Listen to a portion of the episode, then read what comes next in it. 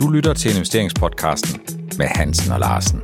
Stedet, hvor de private investorer uge efter uge bliver opdateret på investeringstendenser i øjenhøjde. Velkommen til afsnit 170 af investeringspodcasten med Hans og Larsen. Vi er jo nået til regnskabets time, og de største 25 danske selskaber har aflagt deres regnskaber, og nu er det tiden til at for alvor at bedømme dem i relation til, om investorerne er tilfredse, om man kan med sindsro investere ind i investeringscasene, om selskaberne har været i stand til at øh, levere det, som øh, investorerne de håber på. Hvem er her i dag? Som den øh, skrabe sensor, K-sensor, der har jeg dig, Helge. Er du øh, rigtig godt forberedt til, at vi skal uddele øh, de her karakterer? Det kan du tro, jeg er, Per. Øh, det er jo selskaber, vi har snakket om øh, i nogle år efterhånden, og vi har jo virkelig kunnet se deres performance sådan hver, hvert kvartal, og øh, det her kvartal er ikke nogen undtagelse. Jamen, de fleste af dem gør det så rent godt. Det gælder jo altid. Det gælder også i den her situation, og jeg siger det nu for 170. 20. gang. De selskaber, vi nævner, det er ikke et udtryk for, at dem vi lovpriser, at du skal hverken købe eller sælge dem. Og det er heller ikke et udtryk for, at dem, som havner nederst og får de laveste karakterer med hjem, at de nødvendigvis ikke kan være en del af din investeringsportefølje. Vi kender ikke din investeringshorisont og din risikoprofil, og derfor så giver vi ikke købs- eller salgsanbefalinger. Så er det vist endnu en gang helge slået fast med syv søm. Det har du ret i, Per. Altså, det er jo svært at skjule sin begejstring nogle gange, altså både for dig og mig, når vi sådan ser et, et rigtig godt regnskab og en god guidning, men det er altså ikke ens betydende med, det er en anbefaling, om man skal købe aktien. Jeg har jo givet karakterbogen tidligere, og vi har også diskuteret karaktererne tidligere, men der er lidt noget nyt den her gang. For det første gang, jamen, øh, så har jeg givet karakter til samtlige af de danske selskaber. Det har været noget af det feedback, som jeg modtager fra investorerne, og tak for det. Øh, det er klart, at man vil gerne have så mange som muligt øh, dækket i det her, og det har jeg forsøgt at gøre. Så 23 ud af 25 selskaber i C25 får karakter med hjem. Og når det ikke er 25 ud af 25, så skyldes det jo, at AP Møller Mærsk har både en A- og en B-aktie, og at det 25. selskab i den henseende ikke er et dansk selskab, for Nordea har jo øh, hjemsted i Finland. Men ellers 23 ud af 25 selskaber har fået karakterer med hjem. Og jeg synes jo sådan overordnet, Helle, jeg vil gerne lægge ud med at sige, det her, det har været en rigtig god regnskabssæson. Er du enig i det? Fuldstændig. Altså, vi er jo så heldige i Danmark, at vi har nogle rigtig store selskaber i, her i C25, og det er store life science selskaber, mange af dem. Og det er jo noget, vi danskere kan, det er at vi specialiserer os i, og øh, Øh, det, hele den her sektor er jo ikke nær så følsom, som mange cykliske sektorer er, øh, når, når det, der er lidt uro på, på, på verdensmarkederne og råvarepriser og alt muligt andet er, er, er, er, er stigende. Så der må jeg sige, jamen de life science, dansk life science, det er topklasse. Jeg er også glad for den her gang, for første gang øh, i den tid, hvor jeg har givet selskaberne en bedømmelse med hjem, at der ikke er nogen selskaber, der dumper. Det er jo givetvis ikke fordi, at de alle sammen sidder og lytter med i investeringspodcasten med Hans og Larsen, og vi giver selskaberne karakter med hjem. Men det er sådan, at jeg glæder mig over altid at have muligheden for at uddele nogle positive karakterer, og jeg ærger mig hver eneste gang, jeg er tvunget til at fortælle sandheden om et selskab, som ikke har været i stand til hverken at levere eller forventningsstyre eller guide øh, på det, som investorerne med rimelighed kan forvente. Men lad os fast forward, Helge.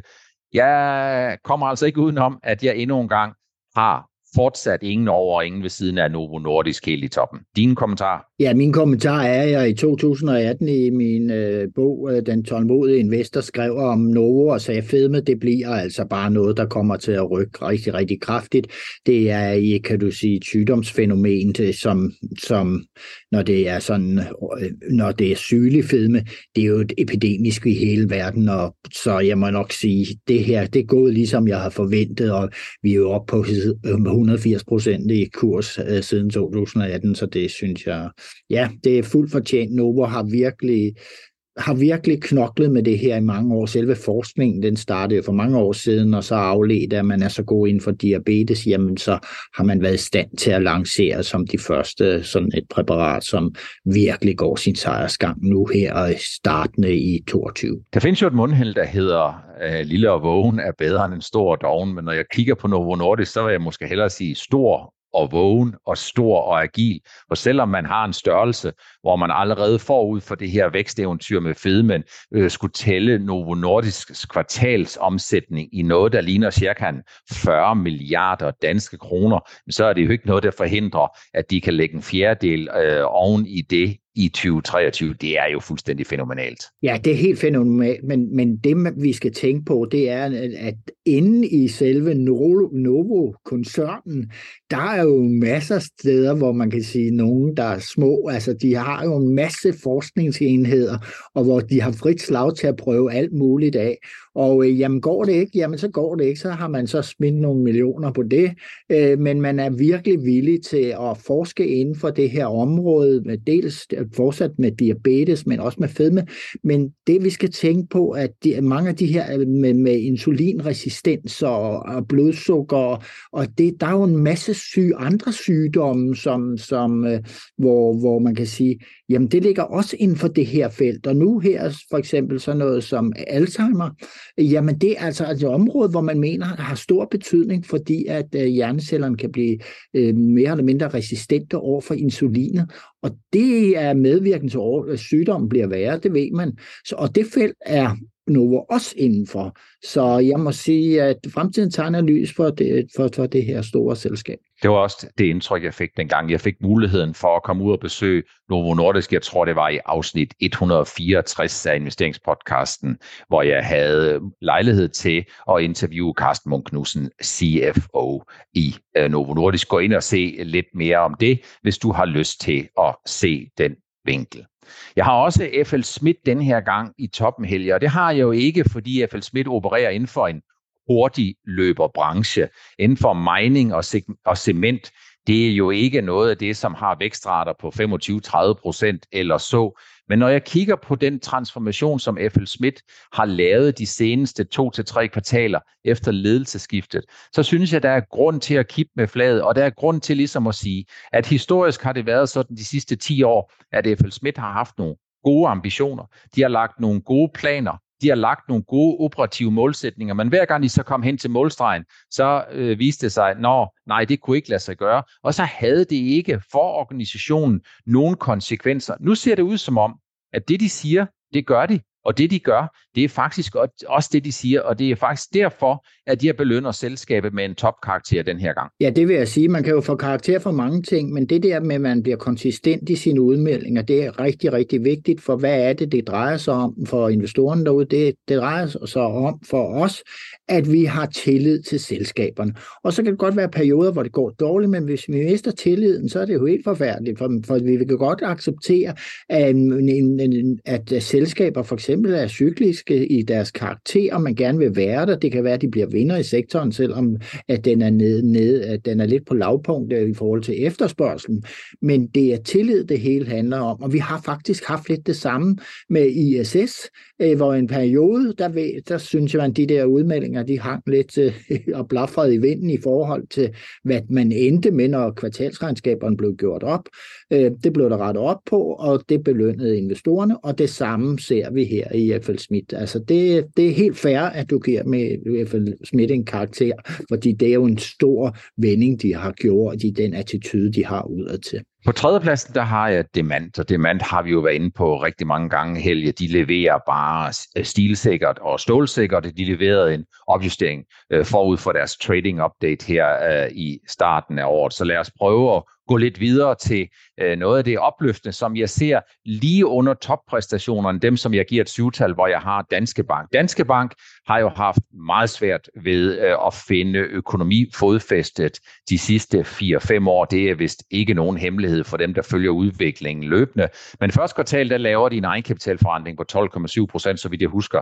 Og øh, øh, det her, det er, tror jeg, investorerne håber på, begyndelsen til langsigtet noget bedre, øh, hvor de jo slet ikke er på plads, hvor de skal være endnu. På indtægtssiden, der ligger første kvartal i over det, som man kan forvente for hele året gange med fire, øh, men til gengæld så er det stadigvæk, de er stadigvæk omkostningsmæssigt noget bagud og bagefter der, hvor jeg tror, at de helst gerne vil måles. Ja, men jeg, jeg er selv kun i Danske Bank, og jeg følger det jo meget nøje, hvad de sådan går og laver af ting.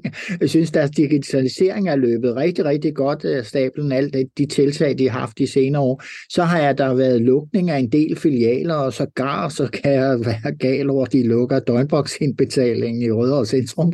Men det er jo også som led i det her med, at de skal, øh, de skal, de skal forme virksomheden, så den står stærkt fremover. Øh, og der er velkommen en konkurrence på hele bankområdet fra, fra, fra, fra andre digitale aktører, som, som tænker, det er jo godt, hvis vi kommer ind i det finansielle, og man kan øh, lave løsninger, som, som man slet ikke havde forestillet sig inden for det digitale betalingssystem osv., at der kommer en masse af det. Og der tror jeg, at Danske Bank, de vil gerne være trimmet og være klar til, til at, at kunne følge med den her konkurrence. Så det bliver spændende at følge den. Altså forhåbentlig er alle de der mange møgssager, de har haft lukket ned øh, for, for, for, for alvor. Øh, men man ved jo aldrig med, hvad banker har i bøgerne, men forløb må, må jeg sige, der har jeg fået en større tiltro til den danske bank, end jeg har haft tidligere. I kan gå ind og se alle de her 23 karakterer inde på Nordnet-bloggen.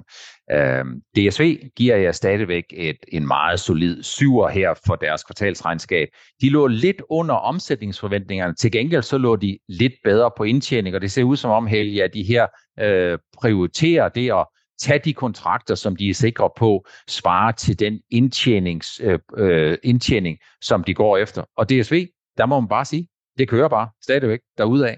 Ja, de har en fantastisk forretningsmodel, øh, der, som de har bygget op gennem mange år. De har nogle mange systemer, som de, kan som de eksekverer med, og det, det fungerer bare. Og man kan sige, at vi er jo i en verden, øh, hvor, ja, men det kan da godt være, at der ser, det kan ligne, at der kommer noget recession, men altså, der er jo bullerne gang i alt muligt transport, varetransport, men også transport af serviceydelser og alt muligt andet, som skal bruges til den transformation, vi har med med at gå i den grønne retning og i, det, i andre retninger.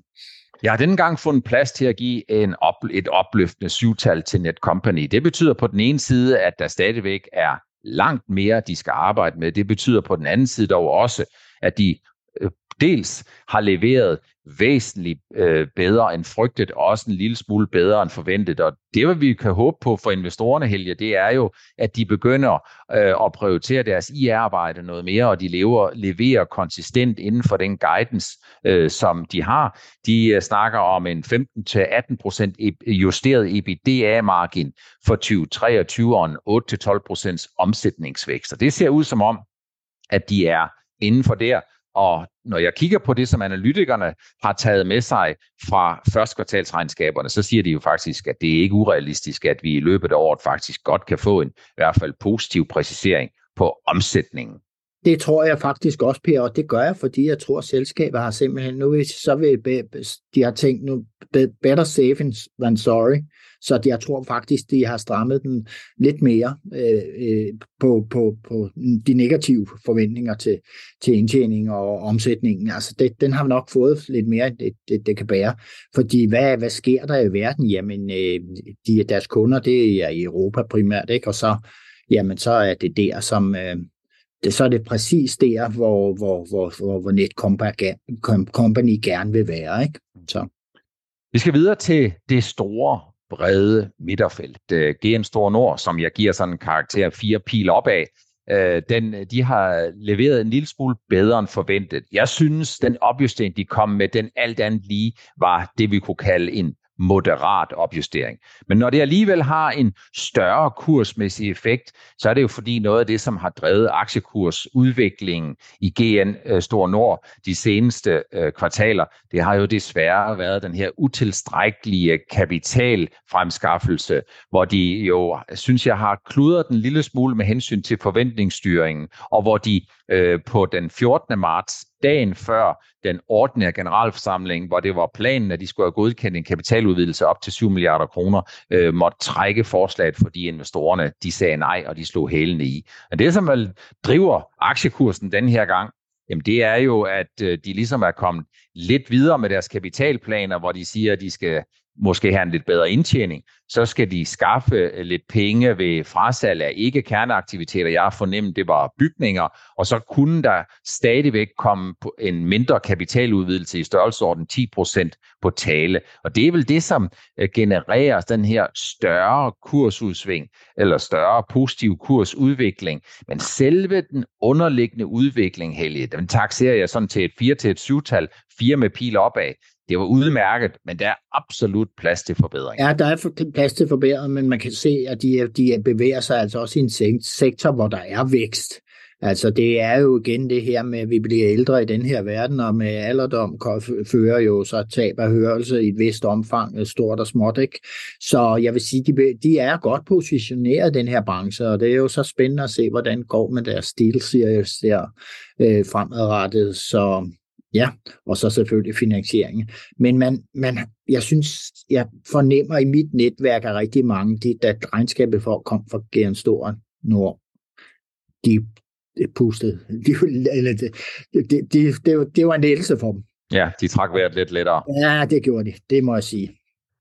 Genmap er jo ny på listen over nogle af de selskaber, som bliver regnskabsbedømt, og jeg placerer dem også i det her midterfelt. Jeg synes, at øh, selve regnskabspræstationen var til et 4-7-tal igen, fire med pil opad, og jeg er en lille smule forbavset over, Helge, at aktiekursen steg ret markant på, øh, på selve annonceringen, og det tilskriver jeg måske snarere, at investorerne har nogle gode forventninger til pipelinen, end at regnskabet i sig selv var meget positivt afvigende. Ja, men det er jo det her med den her pipeline, som, som, som, som, som giver en del af den her prissætning af kursen. Ikke? Og jeg må sige, jamen der kommer et par nyheder i år her, som man, man virkelig har set øh, hen, øh, frem til. Ikke? Så øh, Ja, og Genmap leverer jo bare varen, og man kan sige, at de har jo rigtig gode data, og som vi har snakket om hundredvis af gange, jamen inden for biotek, så er det bare data og data, og kvaliteten af disse, som er afgørende for, hvordan investorerne har det med, med selve den pågældende aktie. Og Genmap, jamen der har man meget stor tiltro, og de nok skal levere igen.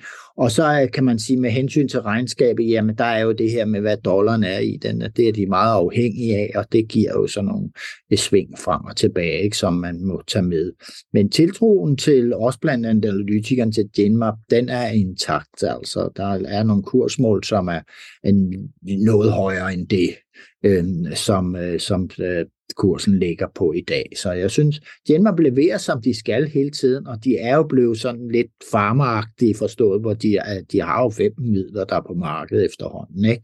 Så det er, de er en transformation til at blive et, et stort farmaselskab på et tidspunkt. Der er yderligere to, som jeg har i midterfeltet, og det er Vestas. Altså, jeg er altså måske en lille smule overrasket over, at aktiekursen er steget så meget. Regnskabet var en lille smule bedre end ventet, men de holder fast i forventningerne om 14-15,5 milliarder euro i omsætning og en EBIT-margin på øh, minus 2 til plus 3. Så jeg tror, der er endnu en gang, at det er et udtryk for, at investorerne de køber ind på det gode, langsigtede omsætningsvækstpotentiale øh, og håber stadigvæk på, at øh, antallet af nye ordre, antallet af nye ordre med en meget stærk profitabilitet, det vil blive større. Hvis vi kigger på ordreindgangen, jamen, så var det jo sådan, og det har vi været lidt inde på, jamen, så var det sådan, at øh, den gennemsnitlige pris på ordreindgangen, den var jo, lå jo altså noget i den lave ende, og Vestas er kommet godt i vej med at forklare, at det altså ikke går ud over profitabiliteten for omkostninger til at servicere den. Øh, de svarer til, øh, til de, de priser, som de får. Vi har også set øh, uh, Rockwool, uh, øh, som uh, synes jeg leverer okay. Uh, de fik sådan umiddelbart, uh, aktiekursen faldt 5% på annonceringen, men jeg synes, Rockwool de pr- præciserer jo deres forventninger en lille smule op uh, på EBIT-margin, og så siger de, at der kan godt komme op til 10% fald i omsætning, og det ligger lidt under konsensus, men overordnet set, Rockwool de er meget udfordret i 2023, men de leverer vel helge nogenlunde som forventet. Ja, selvfølgelig gør de det, fordi at der, der, er jo, der er jo brug for deres produkt, især sådan en tid, hvor der er grønne, øh, en stærk grøn understrøm i hele markedet, og man skal en af de, de lavest hængende frugter, man har i forbindelse med, med, med at spare på energi, det er jo at isolere husene bedre, ikke? og det kan man jo også gøre syd på, for om vinteren kan det, jo, kan det jo også være tiltrængt. Jeg vil lige sige omkring Vestas, jamen det her med, at øh, man, man får en en god profit, eller en bedre øh, profit på, på, på fremadrettet på ordren, jamen det blev jo også forstærket af de udmeldinger, der for eksempel var for, for Nordic, som er en konkurrent til Vestas, ikke? og andre der i den her sektor. Ikke? Så, så det, det, det kan man så åbenbart regne bedre med, når hele sektoren siger det over en bred kamp. Hvis vi går lidt videre til, øh, til det, jeg giver et, øh, firtal, jamen, så snakker vi om AP Møller Mærsk, som nogenlunde leverer det, som analytikerne og investorerne har sat næsten op efter. Jeg synes, at Ambu kom med et lidt svagt regnskab. Jeg synes, det lå en lille smule under forventningerne, og man kunne godt have frygtet, at investorerne havde været mere nervøse, men der må man sige, at det værste for Ambu så ud som om, at det var overstået i 2022, øh, og nu øh, forventer investorerne, håber investorerne på, efter kapitaludvidelsen, så er gældssituationen på plads, og så er der plads til øget vækst i andet halvår. Det her, det var jo anden kvartals regnskab, de kom med. Koloplast fik lidt en hård medfart, Helge, og det skyldes vel den øh, meget massive øh, optur, der har været i aktiekursen i marts og ind i april måned, hvor investorerne har sat næsen op efter en opjustering, og den udeblev, så er det vel ikke så mærkeligt, at man får lidt, lidt på tæven, er det det? Det, det, det gør man, og øh, det jo, viser jo igen det her med, hvis man ikke ligesom lever op til det investorerne forventninger, så får man på tæven. Men så når folk får læst regnskab og kigget på det, så begynder det at hjælpe på, ikke? Det, det, på det. Det var det, vi så med Rockwool, ikke? Folk tænker sig lidt om, ikke? Men der er jo mange i markedet, der ligger og svinger på de her regnskaber, så, så der kan komme nogle kraftige reaktioner på det. Men jeg kigger jo altid på, hvad selskaberne de, de, de, de kommer med og går og siger, jamen kan det her holder det stik med det, jeg forventer af dem. Og jamen, jeg må sige, at øh, stort set alle selskaberne, de har performet som, som, som de har meldt ud. Hvis vi bare lige skal gå, gå lidt ned den tunge ind, og der hvor jeg placerer Total, det er nede hos Royal Unibrew. Royal Unibrew, tror jeg, øh, synes jeg skuffer sådan, øh, dels i den direkte sammenligning med, med Carlsberg, men også fordi, at de i det her første kvartal, det her årets mindste kvartal, jamen der kommer de ud sådan cirka 100 millioner under det forventede på omsætningen. Men Helge, så var det vel heller ikke værre. De plejer at levere meget stil og meget stålsikkert, øh, og så vidt jeg husker, så var den profit warning, der kom i forbindelse med tredje kvartalsregnskabet 2022, det var en af de meget få svipser, der har været i Royal Unibrew set over en meget lang periode. Så øh, det, vandet er jo delt. Vi ved ikke, om du kan lide øllet eller ej, men de har i hvert fald øh, præsteret nogle vanvittigt gode resultater til investorerne de sidste 10 år. Ja, man kan se på kursudviklingen, Per, den er jo fuldstændig eksploderet gennem årene, og det må jeg jo sige, jamen det er jo kun fordi, de har leveret rigtig solidt. Øh, og man kan sige, at øh, det, det er jo et selskab, som, jamen øh, de producerer en vare, og så bliver den kørt ud til supermarkedet. og de bruger så har en god palette af varer, som der er efterspørgsel på. Så det er jo så, hvis man vil være præsenteret, eller hvis man vil have lidt bryggerier i sin portefølje, så vil jeg sige Royal Unibrew, det er jo sådan en, jamen det, hvis man er langsigtet investor, jamen så tror jeg, det er et godt sted at være. Ligesom, det er selvfølgelig også et godt sted at være hos Carlsberg. De har været gode til i hvert fald at være super skarpe på logistik, og så er de rigtig, rigtig gode til at få lavet nogle små opkøb, som kan komplementere den produktportefølje, de allerede har, uden at de opkøb, de laver, det er nogen, der finansielt afsporer deres langsigtede muligheder. Det er sådan, når du sidder som opkøber derude, eller kø, indkøber i de her supermarkeder, det her, ikke? så er det jo helt fint, man kan komme ind og købe sådan nogle basisvarer, det råbrød, ikke? og så er der nogle, øh, noget øh, spansk tapas, det er alle de der specialøl og sådan noget, som de får til, ikke? Så, så kan man, så de får flere hyldemeter på den måde ude i supermarkedet. Det var det, vi havde valgt at fokusere på at prioritere i afsnit 170 af investeringspodcasten med Hans og Larsen, hvor vi giver selskaberne karakterer med hjem, som de jo så skal vise til investorerne. Har du ikke øh, fået øh, en karakter på lige nøjagtigt det C25-selskab, som øh, du er investeret i, så er jeg ret sikker på, at du kan finde det inde på Nordnet-bloggen under det indlæg, som ligger derinde. Vi har givet 23 ud af 25 selskaber karakterer med hjem. Eneste undtagelse, det er jo, at AP Møller Mærsk har to børsnoterede fondskoder, og at Nordea hører hjemme i Finland. Tak fordi du fulgte med, og tak fordi fortsat synes, det er interessant at blive investeringsopdateret på en hel uge på blot lige underkanten af 30 minutter. Vi ses og høres ved i næste uges afsnit 171 af Investeringspodcasten med Hans og Larsen.